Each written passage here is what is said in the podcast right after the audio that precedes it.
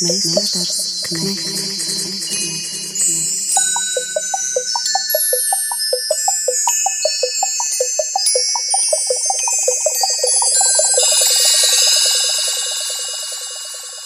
Meistars Knechts. Esiet sveicināti raidījumā Meistars Knehts pie mikrofona Orestas Silbrietas un Māra Rozenberga. Un Meistara Knehta 24. gadu mēs iesāksim ar eh, vienu no tām sarunu tēmām, kur spalvas pa gaisu, nu, cevišķi šobrīd put diezgan ātri. Vieni to sauc par politkorektumu, otri par cenzūru, bet nu, doma ir skaidra.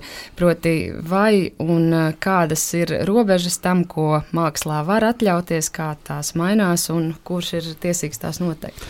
Jā, šī, protams, nav jauna tēma, bet kaut kā izrādījās, ka redzījumā Mēsters Knekts, mēs līdz šim esam nu, tā drīzāk pieskārušies, bet nekad neveltījuši veselu redzējumu. Un tādēļ mēs vēlamies atkal pie tā atgriezties un atkal mēģināt formulēt katrs savu viedokli, kas ir mākslinieka brīvība un kāda ir sabiedrības brīvība uz šo mākslinieka brīvību reaģēt. Un šoreiz mums ir daži sarunbiedri. Viens no tiem ir teātris režisors un pedagogs Mārcis Senkovs. Sveiki! Dzēniece un atdzīvotāja Ingmāra Balode. Labdien! filozofs un dzinieks Haralds Mantulis. Labdien! Un kultūras žurnālists, arī cenzūras pētnieks un Smiltenes novada kultūras dzīves vadītājs Edgars Raginskis. Sveiciens! Vēlreiz piestāt pie šīs tēmas par politkorektumu mākslā mūs uh, rosināja kāda nesena saruna ar igauņu mākslinieku Marko Mētamu. Viņš ir mākslas veterāns, ja tā varētu teikt. Mākslā darbojas jau vairāk nekā 30 gadus, ir pārstāvējis Igauniju divreiz Venecijas bienālē, un eh, nesen viņam bija izstāde galerijā Māksla XO. Eh, viņš ir diezgan zināms kā tāds eh, ļoti saudabīgs melnā humora meistars, un mūsu saruna par viņa izstādi, kas saucās Reizes sensenos laikos un pārraksta brīžam diezgan melni dažādas bērnu pasakas, aizgāja līdz tam, ka Viņš būtībā ar šo grib pateikt, ka mēs dzīvojam aizvainojumu un cenzūras laikmetā. Un tāpēc pirms mūsu studijas sarunas es ierosmēju gribētu atskaņot nelielu fragmentu no Marko Mētama sacītā. Really say many things anymore because we don't know how to address stories or how to address our, our thoughts. Mēs daudz ko vairs nedrīkstam teikt. Šis ir individuālismu laiks. Visiem ir tiesības teikt, ko viņi domā, bet paradoxālā kārtā, jo vairāk mums ir brīvības, jo mazāk mums ir izteiksmes brīvība. Jo kāds taču var apvainoties, tikt sāpināts, un mums ir ļoti jāvaldās. Manuprāt, mākslā tas ir strupceļš. Tā mēs kļūstam par garlaicīgiem suvenīru izgatavotājiem. Es arī baidos teikt dažādas lietas, kas mani kā mākslinieku nodarbina. Tāpēc runāt caur tādu gatavu formulu kā pasaka, tas man ir veids, kā mīkstināt to, ko gribu pateikt. Atzīšu, ka māksliniekam šis ir ļoti nomācošs, bet vienlaikus arī ļoti radošs laiks. Ir jāspēj atrast veidu, kā pateikt, kas tev no sirds uztrauc vai kaitina. Daudz man prasa, kāpēc savā mākslā nerunāju par priecīgām un skaistām lietām. Es vienmēr atbildu, ka mans radošums barojas tikai no frustrācijas. Skaisto un jauko es vienkārši izbaudu, bet, ja kaut kas man kaitina, ja motorā ir sagājušas smiltis, tad es rīkojos. Un man šķiet, ka mūsdienās sabiedrības motorā ir ļoti daudz smilšu. And uh, I think nowadays there is so much sand in, in the engine. Nesen Marko Mētams pabeidzis darbu pie cita līdzīga projekta ar nosaukumu Simt apvainojošas grāmatas. Viņu ļoti satraucot mūsdienu tendence literatūrā pārveidot agrāku laiku grāmatas, mēģinot dzēst vai nomainīt šodien par nepieņemamiem uzskatāmus vārdus vai frāzes. Šogad lielu šūmēšanos izraisīja ziņa, piemēram, par Roalda dāla bērnu grāmatām, kuru jaunizdevumos izravēta virkne vārdu, kas saistīti ar svaru, dzimumu, garīgo veselību un ādas krāsu. So, how far can we take it? And, uh, Esmu liels Roalda Dāla fans, un varbūt tieši viņa stāsts mani rosināja mākslā pievērsties stāstiem un grāmatām. Man tas šķiet nepieņemami. Iejaukties citu laikmetu darbā, kad bija citi priekšstati par labo, slikto, pieņemamo un nepieņemamo. Kas tādā gadījumā nākotnē notiks ar mūsu pašu darbiem? Pēkšņi kāds izdomās, ka dzeltenā krāsa ir slikta un tā būtu jāaizliedz. Diemžēl daudzi šodien domā, ka vislabāk zina, kas ir labs un kas slikts. Un, manuprāt, tās ir brīvas literatūras, mākslas un mūzikas beigas. Music, literature, Tālūk, Igaunijas mākslinieks Marko Mētams par to, kā viņš jūtas šajā laikmatā. Jūsu reakcijas uz dzirdēto, kurš gribētu sākt? Edgars, varbūt tu? Jā, es varu atspērties. Es lielā mērā piekrītu Igaunijas māksliniekam par viņu vērojumiem mākslas uh, sakarā, un uh, mazliet paplašinot vai papildinot viņu teikto, varu uh, signalizēt par tādu īpatnēju tendenci pēdējo desmit gadu laikā, nu, eh, līdz ar ideoloģijas, ko mēs plaši un neformāli pazīstam kā vokismu, ja to varētu saukt par tādu kreiso liberālismu, kur liberālismu ir diezgan pamaz jau. Eh, tur ir raksturīga mm, tāda vērtība signalizējoša retrospektīva skatīšanās uz pagājušo laikmetu mākslas darbiem, personībām, tendencēm, parādībām, arī vēstures pašiem notikumiem. Vērtējot tas pēc mūsdienu morāla-etiskās skalas, kas ir pieejama pašreiz attīstītajā sabiedrībā un pilnībā pilnīgi ignorē to uh, kontekstu, kāds ir bijis iepriekš. Nu, un, uh, kamēr mēs, uh, mūsu sabiedrība vai ietekmīgi mūsu sabiedrības locekļi turpinās šādā veidā vētīt un nu, jau rediģēt, bet dažs teikt, cenzēt eh, mākslu, vai tā būtu vizuālā, vai skaņu, vai kino māksla, nu, tikmēr mēs tikai eh, noplicināsim to kultūru lauku un uh, neapzināsimies pēctecību, kur uh, nosaka arī mūsu kultūra centienus 21. gadsimtā. Klausoties Igaunu kolēģi, Elmār, man bija jādomā vairāk par tevi laikam un tavām izrādēm. Piekrīt Igaunu māksliniekam un es par to esmu ļoti daudz pats eh, iekšēji reflektējis, domājis. Ah, un es um, nesen runāju darbā ar studentiem. Man ikdienas darbs ir ar teātris mākslas studentiem. Un, Un es viņiem prasīju, kā viņi jūtas šajā laikmetā, cik daudz viņi var izteikties, jo viņu uzdevums bija būt maksimāli atklātiem un godīgiem. Tas ir viena no teātris mākslas prasībām, spēt izstāstīt savu stāstu un iespējams arī pat reizēm izmantot kaut kādu zemapziņas plūsmu. Un viņiem ļoti grūti nāks. Viņi saka, ka es to nevaru vairs izdarīt, jo mēs ļoti sevi pašcensējam. Un tas ir tieši saistīts ar to laikmetu, vai es kādu neaizvainošu, vai, kā, vai, vai tiešām tās manas domiņas, kas ir varbūt reizēm tās nevisai patīkamās un kuras es gribu artikulēt. Vai kādā veidā parādīt, eh, viņi, viņi ir baidās no nosodījuma, sabiedrības nosodījuma vai kāda cita izpra, izprašanas.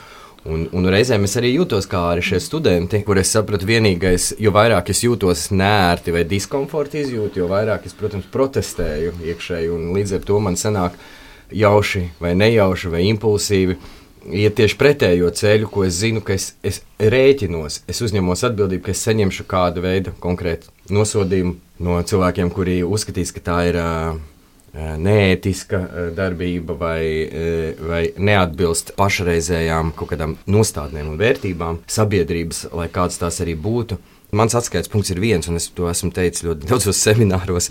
Teātris mākslā vai vispār mākslā, vai arī jebko, kamēr neiesāks krimināla likums māksla ir totāli brīva. Es, es pie tā pieturos un drīkst visu. Bet, protams, ar zināmu uh, mākslinieku atbildību, ka viņš var aizskart un viņam ar to jārēķinās. Viņam jāspēj arī komunicēt un atbildēt, kāpēc viņš ir radījis šādu mākslas darbu. Ingūna, tu vienā brīdī ļoti spārīgi māja ar galvu. Ingūna Balode, dzēniece. Mums ar Elmāru varētu teikt, ka studentiem ir varbūt daži kopīgi jumti. Es arī pasniedzu Latvijas Kultūras Akadēmijā. Tie studenti nav gluži tie paši, bet tā katrā ziņā ir tā pati paudze. Man arī šķiet, ka šobrīd mēs varam, nu, viens no tiem līmeņiem, kurā mēs varam palūkoties, ir sarunā par izglītību, caur izglītību un caur ļoti jaunu cilvēku redzējumu, kurš um, tiešām arī manā pieredzē ir tāds, ka tā sasaistītība, ar kuru ir jātiek galā šī brīža, teiksim, 20 gadniekam, man tā ir nepieredzēta, ja, teiksim, mani ir nodarbinājuši vai tādā vēsturē atskatoties. Um, likušies sasaistoši vai mokoši kādi pavisam citi aspekti, kamēr šī brīža jaunietim var būt ārkārtīgi grūti pat paraudzīties un atklāt runāt pašam par sevi, lai arī šķiet, ka sarunu atvērtība ir tas, uz ko iet nu liela daļa tādas sabiedriskās domas, Viens no uzdevumiem, tagad es varbūt pateikšu priekšā daudziem, ko es kādreiz vēl varbūt mācīšu, ir pašportrets. Un tas vienmēr ir tāds, um, arī tāds riskants mēģinājums ieraudzīt sevi, un jo jaunāks kurs uh, tiek pie šī uzdevuma, jo, jo lielākas grūtības viņi pēc tam stāsta. Pirmkārt, kādus vārdus izvēlēties. Esmu dzirdējis tādus apzīmējumus, kā ak, vai šis epitets ir pārāk pašievainojošs vai kaut ko tamlīdzīgu. Teiksim, es, man šķiet, es uz tāfeles uzrakstīju kaut kādu piemēru. Es esmu slinka, lai, lai izspēlētu šo es esmu spēli, kur tev ir jāspēj sevi definēt, pat ja tas ir pirmais, kas ienāk prātā. Ja vārds slinks var ievainot, tad ko mēs darīsim ar vārdiem, kuri jau vēsturiski ir šķituši varbūt sāpīgāki nekā vienkārši pa jokam izmest epitets. Arī joku sfēra ir ļoti sarežģīta. Man šķiet, ka jokot vispār drīz būs gandrīz vai tad, ja tas nonāks tajā krimināla likuma laukā, tad tas būs aizliegts.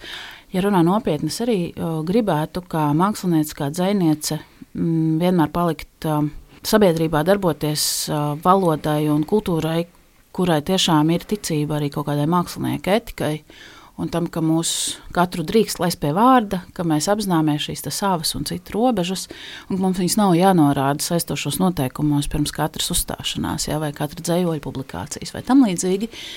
Un aizjūt atpakaļ pie studentiem, jā, man šķiet, ka šobrīd vienīgā cerība tikt no šī visa caur sveikā ir mainīt pēc būtības izglītību, nevis ar kārtējo reformu, bet ar to, kā mēs runājam ar saviem bērniem, kā mēs runājam ar bērniem bērngārzā, ar bērniem pamatskolā, kādas vērtības mēs ieliekam viņos, un lai tās nebūtu šīs tēmas knapi aizsalušā dīķa virspuses vērtības. Jā, šis plānais, plānais gabaliņš, kurā ir uh, cenzēšana uh, vecās grāmatās, kurā ir uh, mešanās virsū vai dālam vai lingrēnai vai kādam. Ja viņi ieraudzīs šo, viņi to arī turpinās.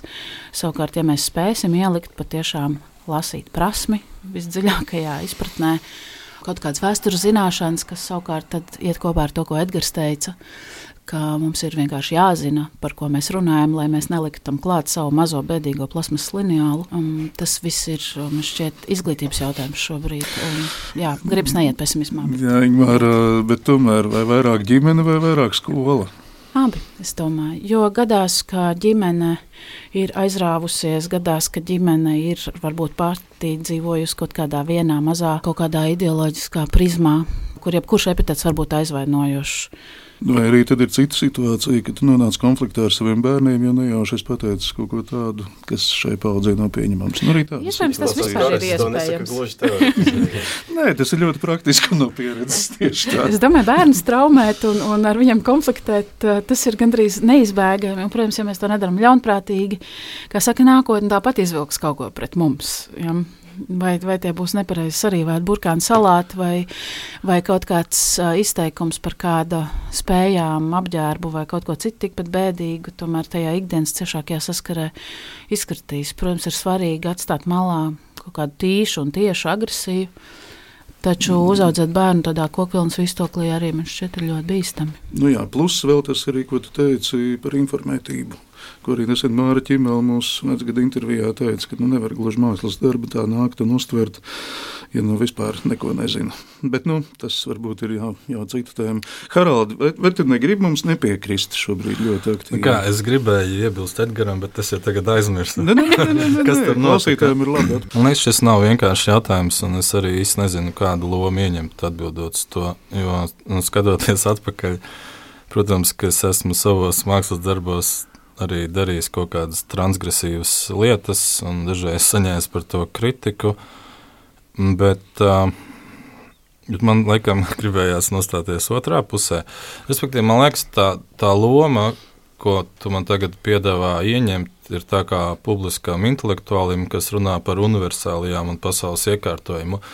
Kamēr es saprotu, ka īstenībā Bieži vien tās izšķiršanās ir ļoti konkrētās situācijās, kur es esmu ģimenes tēvs, un man ir kaut kas jāstāsta bērnam, vai kur ir kaut kāds konkrēts cilvēks, kuru es negribu sāpināt. Tad es domāju, vai man teikt tieši tā, kā es tas ir galvā, vai mazliet pamainīt. Un es domāju, ka īstenībā priekš tādas privātās sfēras man tur īsti nav problēma. Nu, es esmu domās brīvs un sabiedrībā pieklājīgs. Un es domāju, ko es tiem cilvēkiem saku. Un, un es domāju, vai tāda bišķi nav tāda nu, viltus problēma. Nu, tad es domāju, ok, varbūt es esmu pārāk mierā ar to savu mazo laukumu, un man nav tāda ilūzija, ka es gribētu vai varētu ietekmēt visas sabiedrības viedokļus, vai nedod Dievs audzināt vai virzīt sabiedrību kaut kādā virzienā. Nu, man vienkārši nav tādu vairs, vairs ambīciju. Un, un man liekas, nu jā, tie gadījumi ir ļoti konkrēti. Protams, ka man dažkārt kaitina stulbi un drosmīgi mākslas darbi. Un reizē es domāju, bet viņam stulbi ir tiesības. vienlaikus drosmīgi. nu, vienkārši stulbi un drosmīgi un pārkāp kaut kādas robežas, runā par kaut kādu tabu. Bet es Bet tu nesaproti, kāpēc. nu, es nesaprotu, man vienkārši liekas, tur ir stulbi. Es visu saprotu, viņš ir stulbs, tas mākslinieks. Bet reizē es saprotu, bet ir būtiski, ka viņam ir šī mākslinieka figūra, un nav labi, ka tagad politiķi viņam klūp virsū. Un tad es esmu tajā pusē, kas paraksta un saka, ka mākslā jābūt brīvai. Bet nu, es tā kā varu ieņemt tās dažādas lomas. Ja tu esi pietiekami stabils, es saprotu, gan savā vidē, gan savos uzskatos, bet varbūt tu gribi vismaz pasūdzēties par saviem studentiem. Um, nu, man ir mazliet lielāki studenti. Man ir jau tādi pieauguši cilvēki. Tas ir vēl bīstamāk. Uh, jā, es īsti neredzu to, ko Ingūna teica, ka viņiem ir bail sevi atbrīvot paudzes dēļ. Nu, tur ir cita lieta, tie radošās nu, rakstīšanas studenti, un viņi, protams, grib atbrīvoties, un tur ir tehnikas, kā mēs to darām. Bet es īsti neesmu novērojis tieši studentos tādu pauģu lietu, bet es gan esmu novērojis, un tiekoties ar jaunākiem dzīsniekiem, 20, 25 gadi, ka viņi ir daudz jutīgāki par tām lietām, kuras drīkst, nedrīkst, vajag, nevajag teikt. Tad man dažreiz tā pieklājīgi aizrāda, pēc tam man ilgu laiku jādomā, un nākamreiz es jau rīkojos uzmanīgāk. Redz, tev kāds ir izrādījis, kā drīkst, kā nedrīkst, kas radošajā izpausmē man šķiet nebūtu īsta kategorija, kas ir valida. Jā, nu. bet varbūt tādiem jaunākas paudzes cilvēkiem viņi to jau sāk uztvert kā pilnīgi pašsaprotamu lietu, un viņi maz nejūtās sasaistīti ar to. Jā, jā.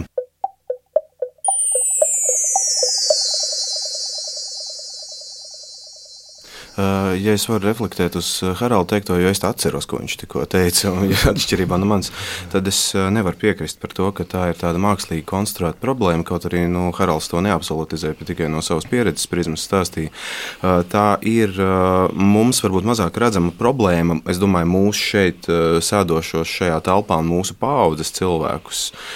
Tā iemesla dēļ, ka varbūt mēs nedzīvojam tik izteikti digitālajā telpā un mēs neinteresējamies par tām tām personībām, kas ir ārpus Latvijas teritorijas eh, un tām tendencēm, kas valda ārpus Latvijas teritorijas, kā jaunākas paudzes cilvēki.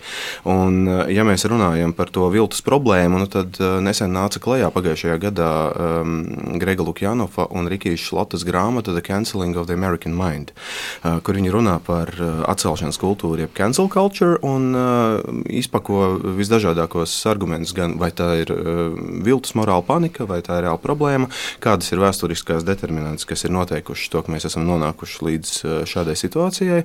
Un tieši tas, ko teica Ingūna pirms tam, un arī ko teica Elmārs par jaunajiem cilvēkiem Amerikas augstākās izglītības iestādēs, radīja nu, lielu satraukumu. Man kā pētniekam liela interese, bet kā cilvēkam un kā nu, tomēr runas brīvības piekritējiem arī bažas, jo viņi teica, atbildot uz aptaujas jautājumu, ka biedējoši liels skaits, es, es biju to samalot, bet vairāk par 80% studentu un arī akadēmiskā personāla baidās teikt savu viedokli publiskā telpā, pārfrāzējot vai drīzāk reflektējot par Elmāru teikto, lai kādu neaizskartu, bet tas jau nav tikai pieklājības pēc. Tas ir tādēļ, ka, ja viņi kādu aizskar, tad ir vesela institūcija, kas ir tas diversity, equity un inclusion DEI, kas viņiem klūp krāgā un viņus faktiski var atcelt no gan pedagoga pozīcijas, gan no studenta pozīcijas.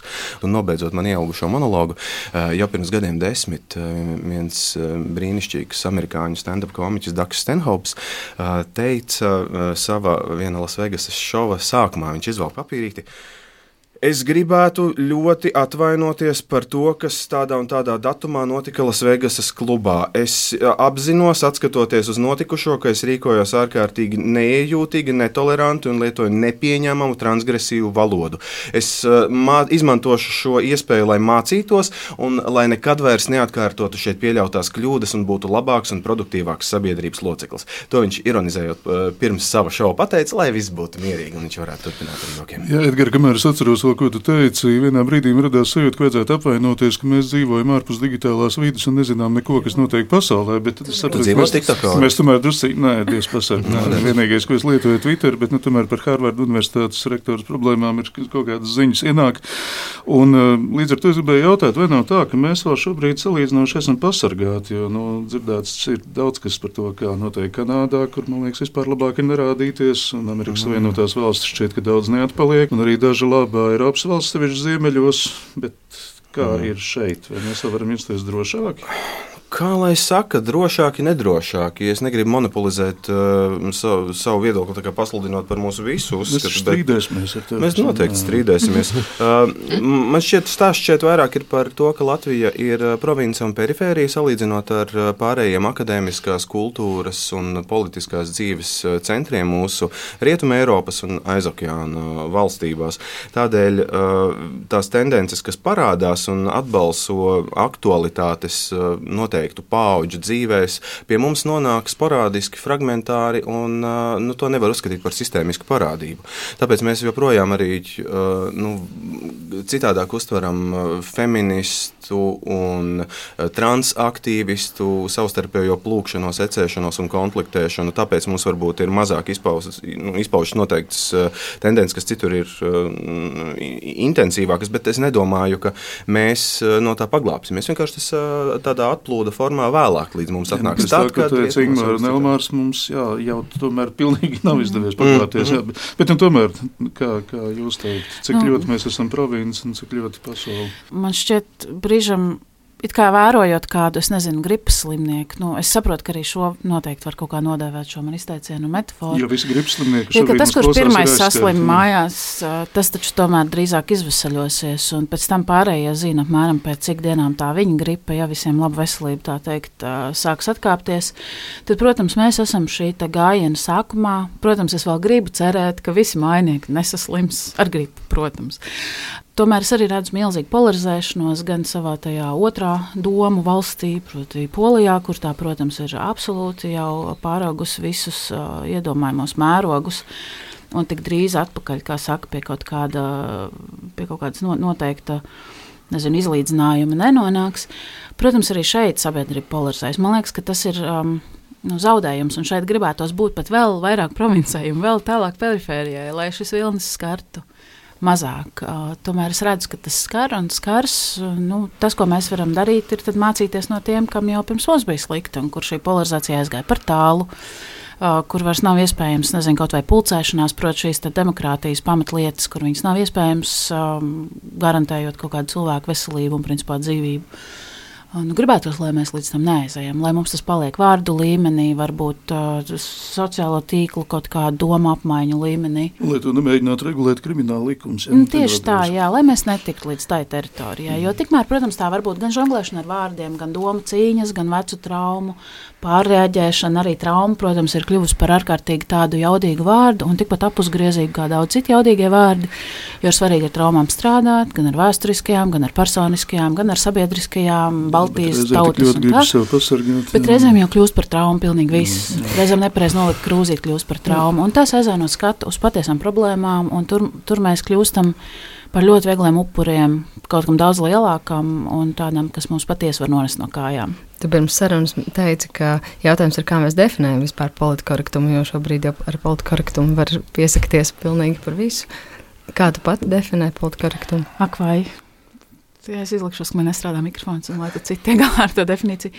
Es, es pirms raidījuma domāju, ka arī šis ir tāds, um, tāds vārdiņš, kurš ir pārāk apaļš, un uh, padodot viņu kādam citam, viņš var strauji pagriezties otru pusi, kur politkorektums, kas ir reizē tik ārkārtīgi jēdzīgs, um, teiksim, demokrātisku principu um, atvasinājums, kur tas var kļūt par cenzūras rīku un otrādi. Protams, šī spēja un vajadzība saskatīt otra robežas, apzināties, nesāpināt, apzināti, viņi var kļūt par vienkārši manipulatīvu kaut kādu pseidovērtību. Ne tikai var kļūt, bet arī kļūst. Nu, arī kļūst, jā, jā. laikam tāpēc esam sapulcējušies. Nu, jā, Elmāra, tev definīcija.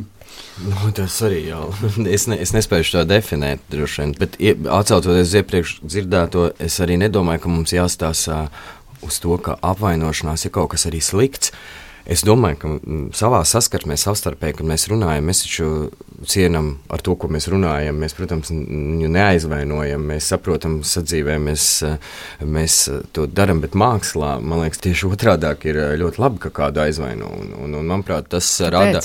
Kāpēc? Es uzreiz pamatošu, tāpēc tas rada uzreiz diskusiju, un tas pievērš uzmanību. Un, ja tas pievērš uzmanību, tas nozīmē, ka atkal aktualizējamies problēmas, un, un varbūt ir vērts atkal par to parunāt, jo mākslē nav jāmāca Mākslā nav jā, jāmāca. Man, man, es, es uzreiz momentā bloķēju, es redzu, ka man kā kāds māca vai, vai sludina konkrētas vērtības, kā man ir jādzīvot.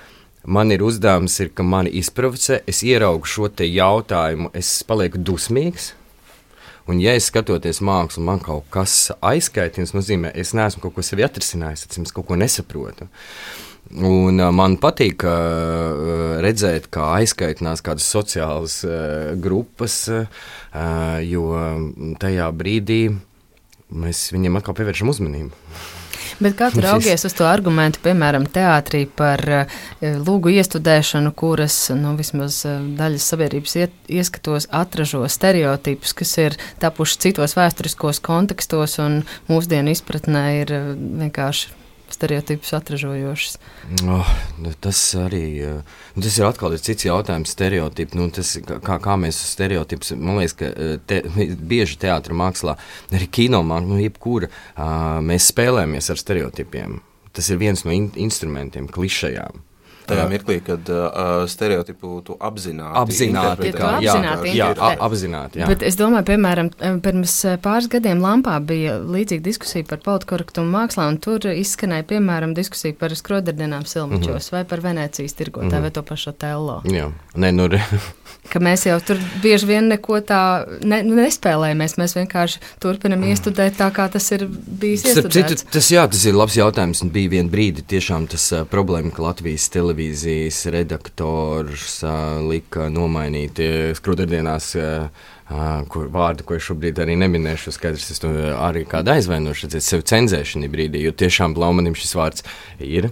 Tieši tāpat vai um, jaunā Rīgas teātrī Māris Čimels iesudējumā, viņš bija melns kā melns. Otello, un, protams, ka šodien vienkārši tas, nu, ir, man liekas, pat vienkārši nepieklājīgi. Nu, es pats to saprotu, un es nekad to nedarītu. Man liekas, kāpēc jākrāso cilvēks, nu, tas man liekas ir bezjēdzīgi, un, un, un tas ir, tas man, manuprāt, tas, tas es nedomāju par aizvainošanu. Tev ja vienkārši gribētu, iekšēji nav pamatojuma tam. Nu, jā, nu, bet galvenais neizmantot teiksim, šīs te vērtības vai kreisas liberālās vērtības kā, kā kādu modes lietu, ko es bieži vien māksliniekos redzu, jo viņš patiesībā tā nedomā. Ja? Bieži vien tā ir tāda iztaisīšanās būt, būt kādā konkrētā tiešām vērtības sistēmā vai kādā sabiedrībā, kurā viņš ir atkarīgs no daudz kā. Nu, kaut vai vienalga mēs te varam runāt par papildus, piemēram, finansējumu piesaisti.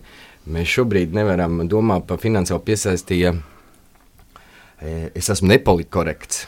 Nu, skaidrs, ka es tādu finansējumu nekad ne, neiegūšu, nedabūšu. Un, un, un. Vai vēl viens ļoti... no kāda specifiska? Bet es no specifiska cita avota, jā, kas noteikti arī ne par labu būs. Es būšu tāpat kā kaut ķīlnieks kaut kādai citai organizācijai. Bet, bet redziet, bet man, piemēram, viens e, pēdējais, tad, kad es biju uh, Latvijas kultūras akadēmijā uh, prorektora amatā mākslinieckās jaunradas, bija viena situācija, konflikts situācija, ko mēs īsti nezinājām, kā risināt. Uh, viens students uh, savā režijas darbā izmantoja um, skudras, kuras tika performatīvi spiestas nost.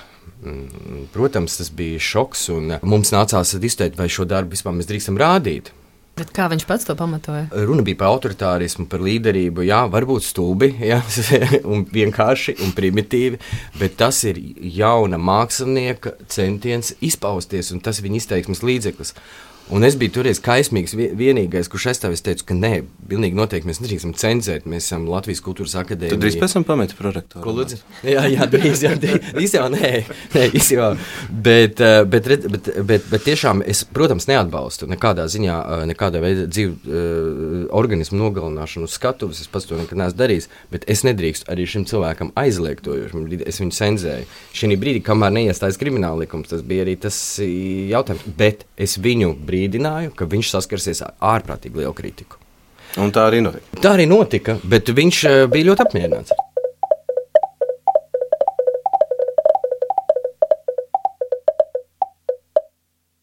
Harald, man interesē, kā tev tā politkorektuma tēma. Es tā cenšos no, pats izvairīties no definīcijas. Es arī domāju, par ko mēs īsti šodien runāsim.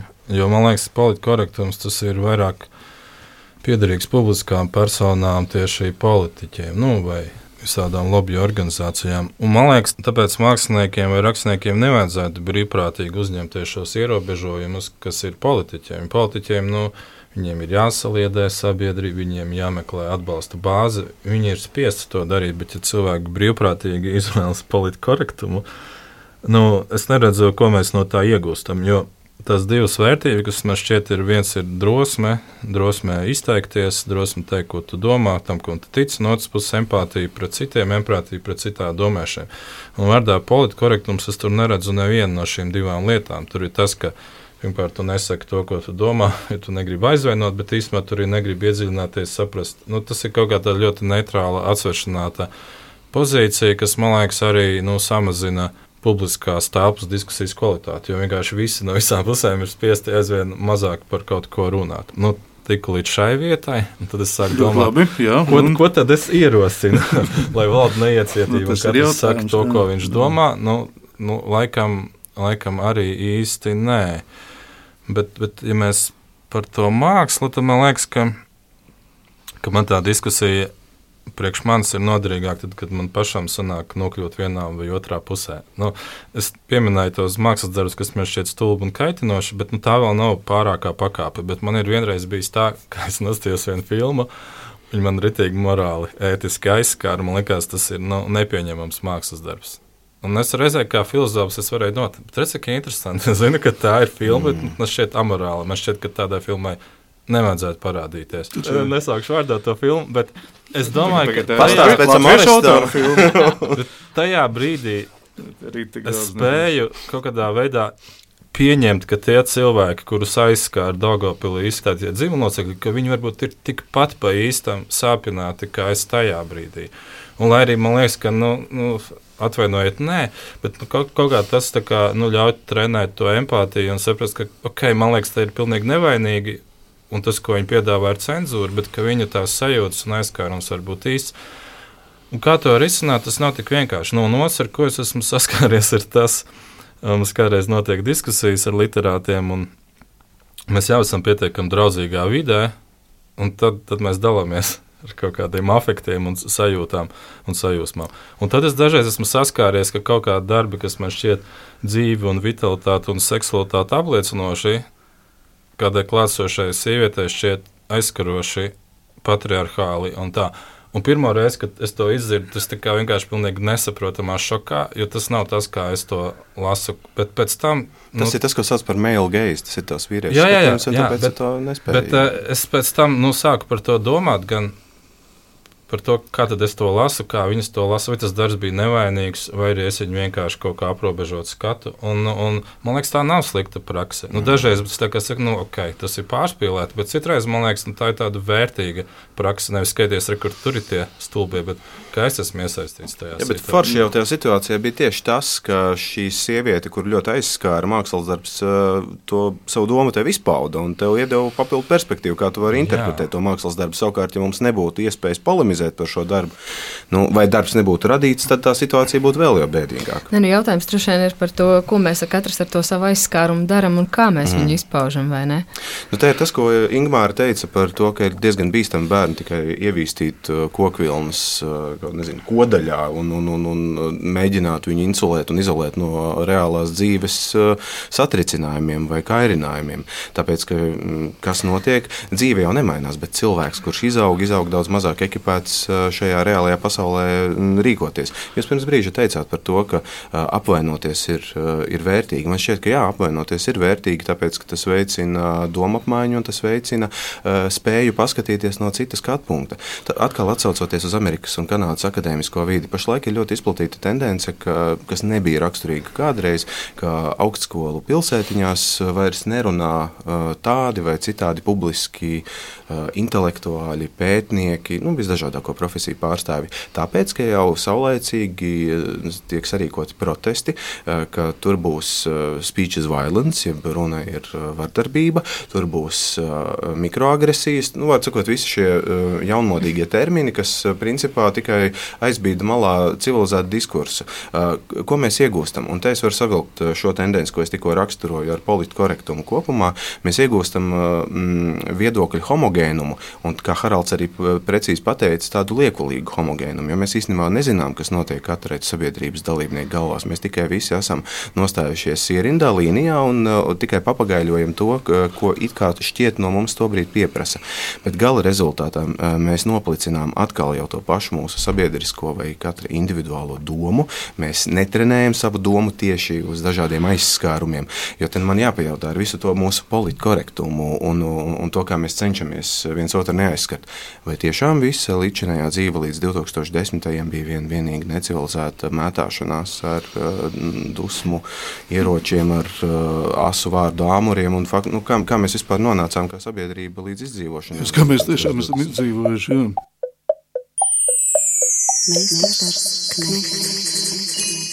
Raidījumā Mēnesis Knekts, Māris Rozenbergs, Norestas Ilbrieža viesi ir Elmārs Sinkovs, Ingmāra Balode, Haralds Matulis un Edgars Reginskis. Tūlīt varēs arī pārējie atbildēt uz šo jautājumu, bet zinot, ka Haraldam mums jāpamet mazliet agrāk nekā citiem. Es tā drīkst pavisam primitīvi atkal pajautāt, vai tas, ko tu teici, kaut kādā ziņā ir māksla, kas sekmē tavu individuālo cilvēcisko kvalitāšu nu, vismaz paplašinājumu. Nu, uzlabojums tas būtu muļķīgi teikt, nu, ko vispār uzlabot vai pasliktināt. Kura bet, māksla? Nu, tas dzējolis un meitenes reakcija uz dzējoli.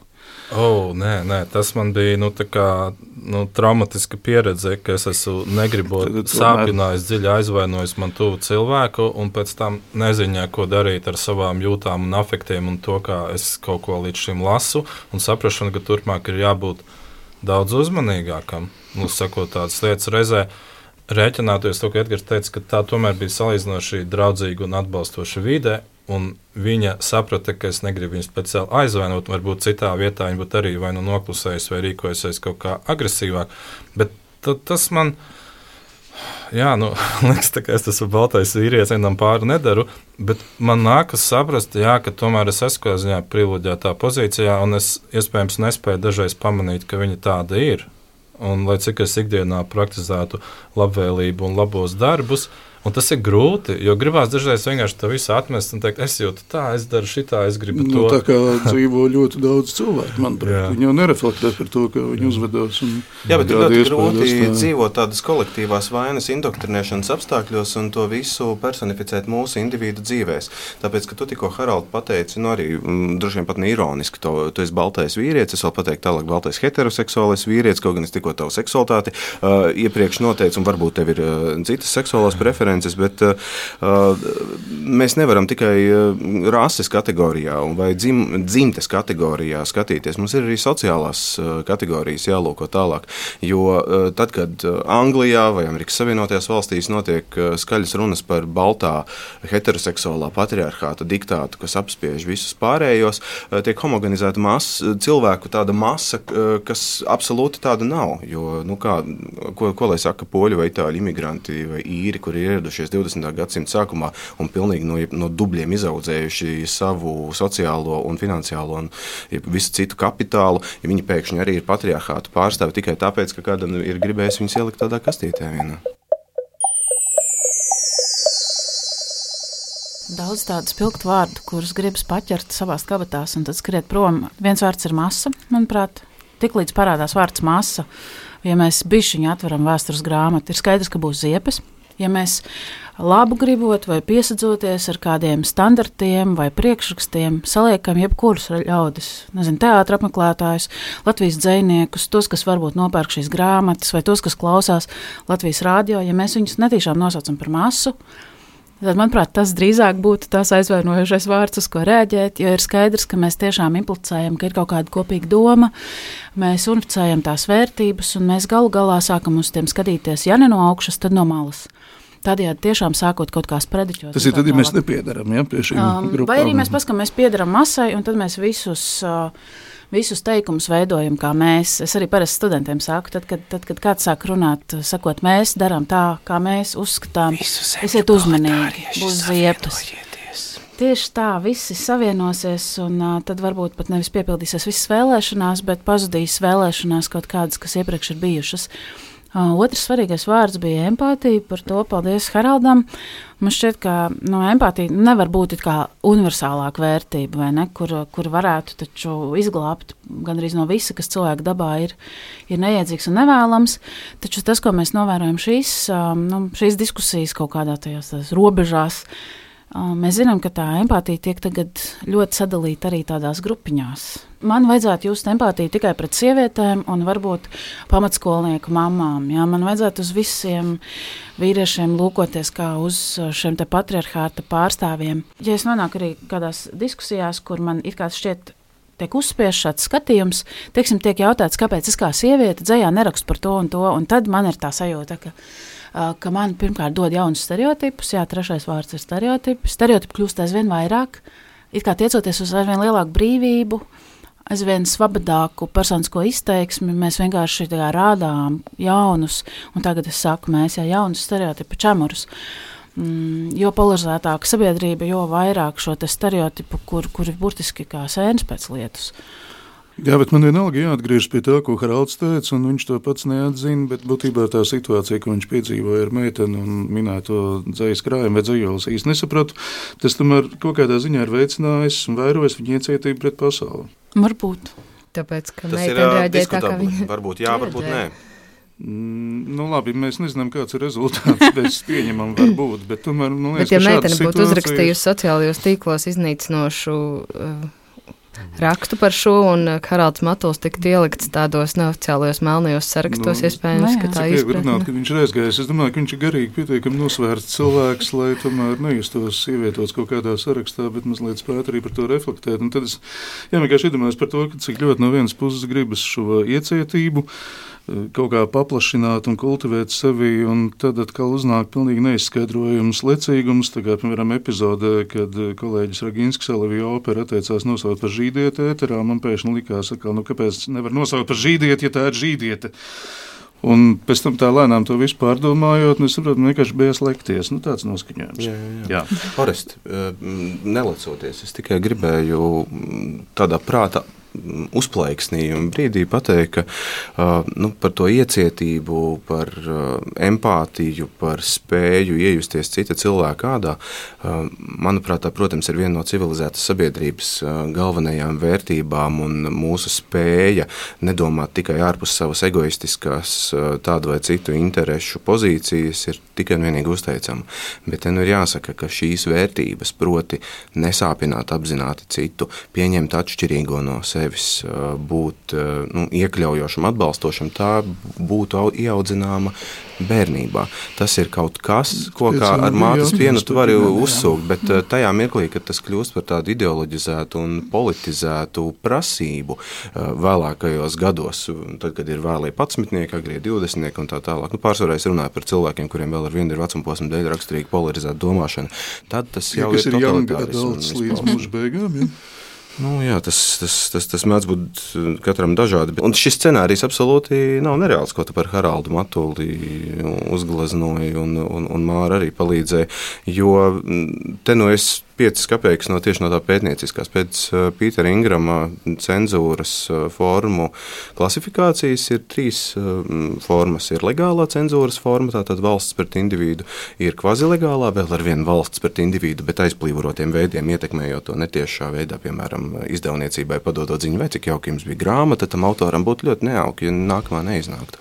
Un tad ir neformālā sociālā cenzūra, un šī neformālā sociālā cenzūra arī plaukst un zeļ un ir ļoti cieši saistīta ar pašcensūru digitālajā telpā.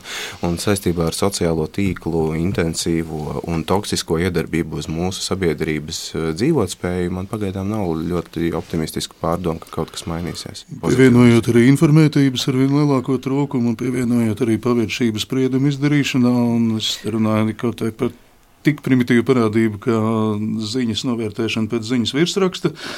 Bet tomēr runājot par to iecietību, es gribēju tev jautāt, vai tas, ka ik pa brīdim es tavā un Justīnas, jo īpaši tandēmā, tas, respektīvi jūs tandēmā jūtu tādu vēlmi pakacināt, vai tas ir lecīgums, vai tas ir tāda rotaļa ar sabiedrību? Nē, tā ir tāda totāla mīlestība.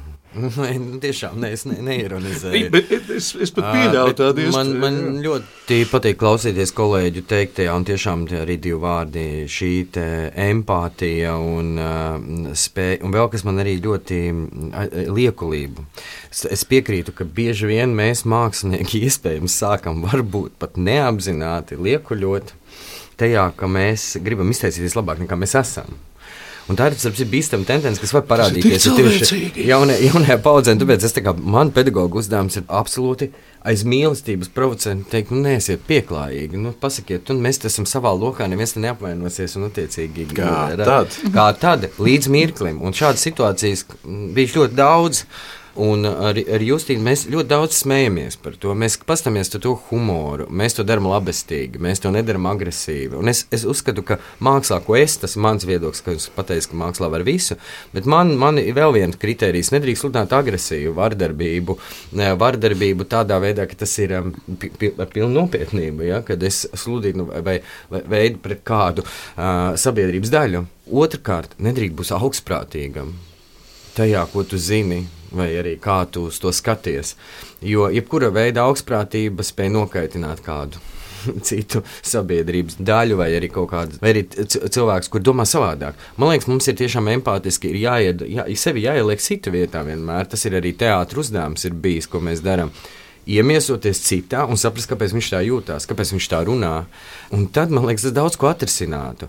Es varu sarunāties ar cilvēku, kurš domā pilnīgi sa radikāli savādāk ar mani. Mums nav nekādas problēmas uh, pasēdēt, uh, īstenībā pat pasmieties vienam par otru un pasmieties par vienu otru vērtībām. Uh, Atceroties arī, ka pasmieties pašam par sevi. Par sevi tieši tā, jā, piekrītu. Un, un tāpēc varbūt tajās izrādēs, ko mēs ar Justīni ļoti daudz mēs, mēs labestīgi pasmaidām. Teātris uzdevums ir paskatīties no malas, kāda mēs izturamies. Cik mēs reizēm savā politkorrektumā varam iztīties smieklīgi vai liekulīgi. Īpaši par liekulību, kas arī tajā darbā, nu, par ko Justīna uzrakstīja nelabajos Valmieras teātrī. Man liekas, tas ir par liekulību, šo sabiedrības liekulību. Un, un tad, ja mēs to tā, kaut kā, man liekas, tas humors vai smaids, viņš atbruņo. Bet, Jā, bet tur ir nepieciešama kaut kāda intelektuāla radniecība. Uh, nu, bet mēs nevaram būt visi superintelektuāli. sabiedrība daļa, sabiedrība mums ir. Slēgt mēģināt bet... pateikt tā, lai es neizklausās augstprātīgi. Māra vienkārši mēģina pateikt.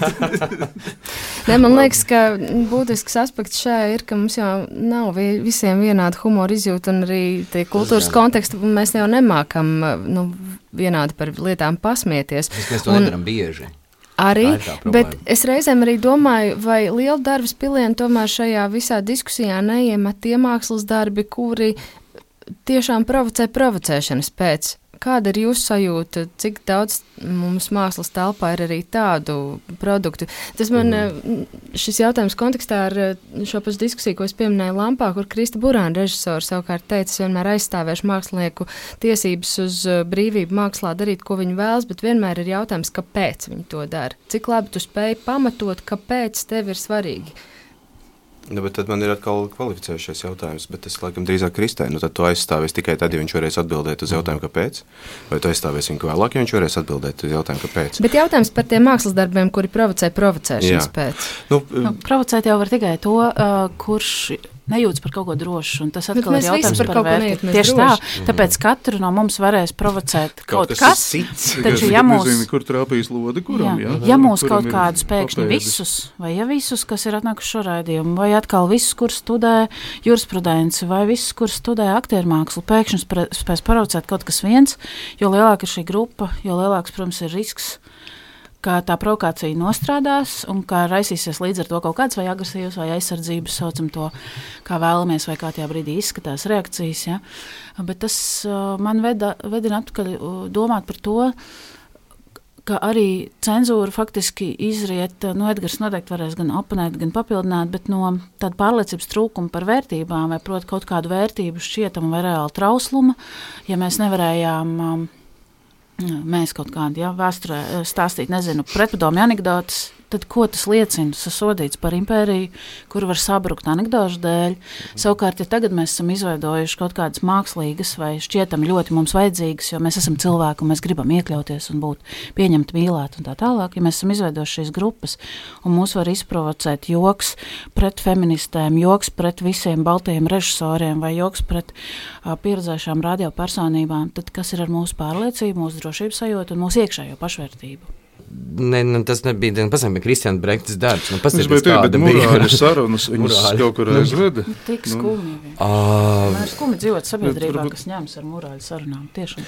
Te, te mēs nonākam līdz tai problēmai, kur es tomēr es gribētu atkal aizvilkt jā, jā, atpakaļ. Jā. Proti, ka jautājums dienas beigās ir par izglītības līmeni. Jo es pilnīgi piekrītu Haraldam, ka tie cilvēki, kuri sašuta par tā Marka Rotko centrā izstādītā igauņu mākslinieka mm, performancēm, kolāžām, Jēzus Kristus un citus eh, kristīgās mītredzes simbolus eh, saliekot kopā ar agresijas tēliem vai ar falu imitatoriem vai kādiem citiem objektiem.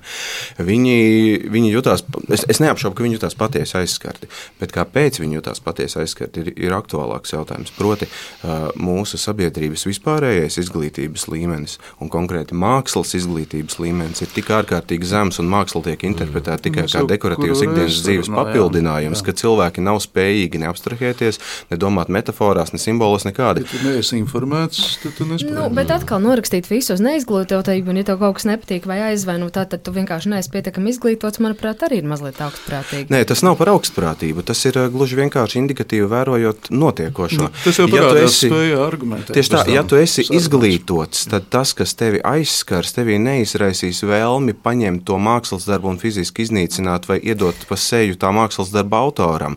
Un, un šis savukārt, tu varbūt mani māra pārprati, tas nebija augstprātīgs teksts to neizglītoto Daugopiliešu virzienā. Nē, tā ir kritika mūsu izglītības sistēmai pēdējo 30 plus gadu laikā, un mēs esam tik tālu uh, no stulbināti, tik tālu noplicināti un tik daudz ar mums un mūsu bērniem ir eksperimentēts. Es tagad runāju, ka man būtu bērni, bet nu, paudze, kas ir jau mūsu teorētisko bērnu vecumā vai reālo, ka uh, šie cilvēki nav ekipēti domāt par mākslu kā par vienu no mūsu civilizācijas būtiskākajiem vērtību stabilizēšanas un vērtību apšaubīšanas aspektiem.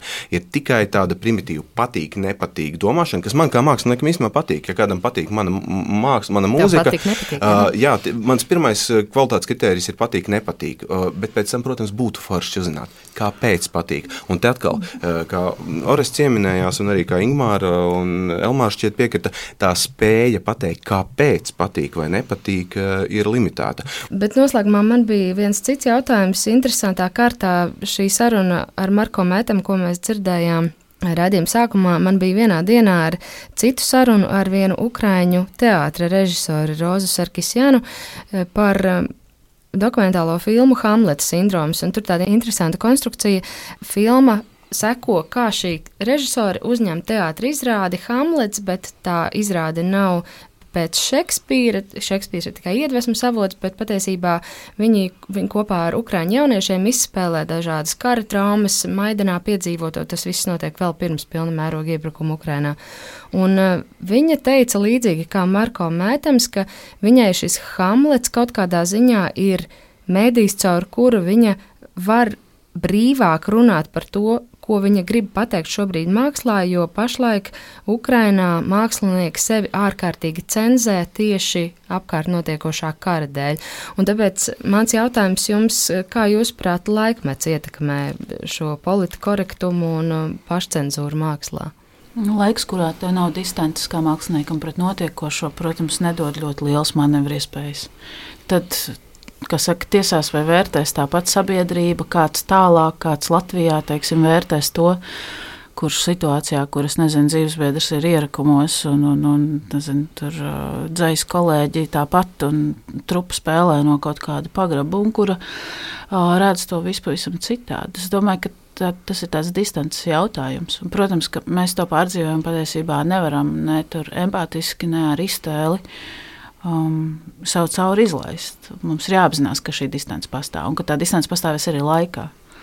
Jā, viena lieta ir distance, bet otra lieta, manuprāt, ir laiks. Varbūt tā īsti nav atbildīga Māra uz tavu jautājumu, bet es jūtu, ka manī attieksme pret krievu komponistu mūziku ļoti lēnām mainās ar vien noturīgākā pozīcijā, ka es ar vien mazāk gribu viņu šobrīd dzirdēt. Bet tam ir nepieciešama cik tagad karš, gan arī divi gadi. Gandrīz divi gadi. Nu, jā. ka tas viss var notikt lēnām. Es piekrītu, ka kara konteksts ļoti izmaina izvēles, bet es nav tā, ka esmu atteicies pilnīgi no krievu māksliniekiem, kur mēs ar Justīnu arī uztaisījām darbu, kur arī bija diskusija pašam un saruna ar sevi. Bet tad mēs sapratām, ka man nepatīk tie mākslas darbi, kas tiešām sludina iekšēji, es pilnīgi jūtu kādu viņu iekšēju imperialismu. Vai kaut kādā veidā es izjūtu to, kā ir, un tādi mākslinieki ir. Es ļoti no tiem eh, novirzos. Vai arī otrādi, ka man eh, jebkāda veida maigā vara viņai eksistē. Mums jāsaprot, mums, eh, ar mums arī māksliniekiem arī mēs tiekam arī manipulēti. Šīs maigā vara, viņa, viņa eksistē, bet varbūt mēs viņu tik uzskatām, neredzam. Es domāju, ka mums māksliniekiem jābūt ļoti jūtīgiem, bet mums arī kā māksliniekiem ir jāsignalizē un jābļaut, tad, kad mēs pēkšņi jūtam, ka kaut kas nav kārtībā, un mīļie draugi, attopamies, ja? atveram acis. Tāpēc es uzskatu, mums ārprātīgi jāstrādā ar savu pašcensūru. Mums nevajag baidīties, kad mēs pa īstam gribam teikt to, ko mēs gribam teikt. Jo šie ir īstie jautājumi, kas jārisina. Tas ir zināmā mērā atcaucoties uz Haraldu, mm -hmm. ja, kurš teica, ka pseido problēma nu, nav pseido problēma, bet raidījuma beigās mēs nonākam pie būtības. Ja, mm -hmm. Tad runāt par šo, reaģēt.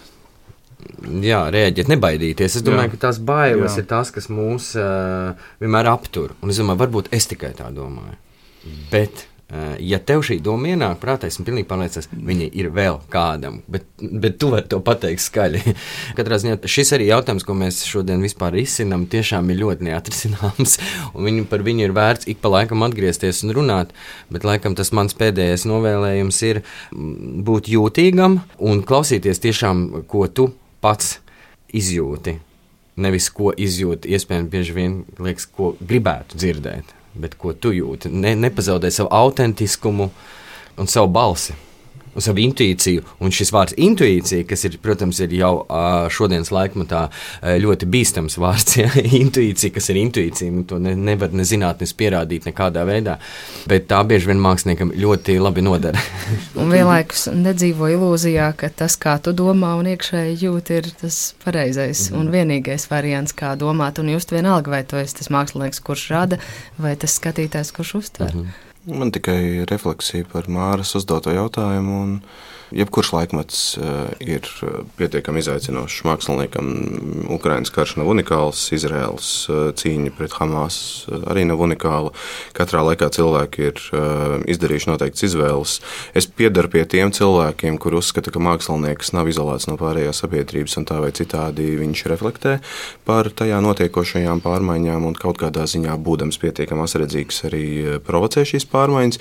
Vienlaikus es nepiekrītu padomju laika un arī Krievu imperiālismu ieviestai ideja par mākslinieku kā pārcilvēcisku būtni. Nu, varbūt jau uz nīču, varbūt pat aiztemēšu, kā, kā kaut kādu ētiskāku, veiksmīgāku, viedāku. Tāpēc, ka nē, mākslinieks ir tāds pats cilvēks, tikai izvēlējies citu profesiju, kā jebkurš no mums, un tas viņam nedod nekādu viedumu un maģiskas vecajo ziņšu vai zināšanu kopu. Un daudz cilvēki, ko es gribu ja vajag novēlēt, es novēlētu neiekrist tajā paštaisnumā un par sevi labi jušanās uh, lamatā. Tad, kad uh, tu kaut ko vēstīji sociālajos tīklos vai savā mākslā, tad uh, esi cilvēks kritisks tajā brīdī, kad tu ļoti labi jūties par sevi. Nu, kad tu tā bāci, kas taisni viņš to pateica, nu, valns ar ārā, nu, to nu gan nevarēs neviens apstrīdēt. Tas ir brīdis, kad pašam sevi apstrīdēt.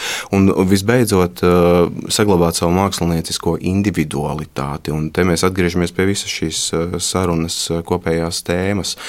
Ja mēs runājam par politkorektumu vai pašcensūru, nu, tā ir uh, kādas grupas identitātes uzlikšana augstāk par uh, sevi un uh, vēlme kaut kur iekļauties. Bet, nu, ja tu esi mākslinieks, tad ir tā mākslinieka atbildība, nu, tad arī kaut ko vēstīt tieši no sevis.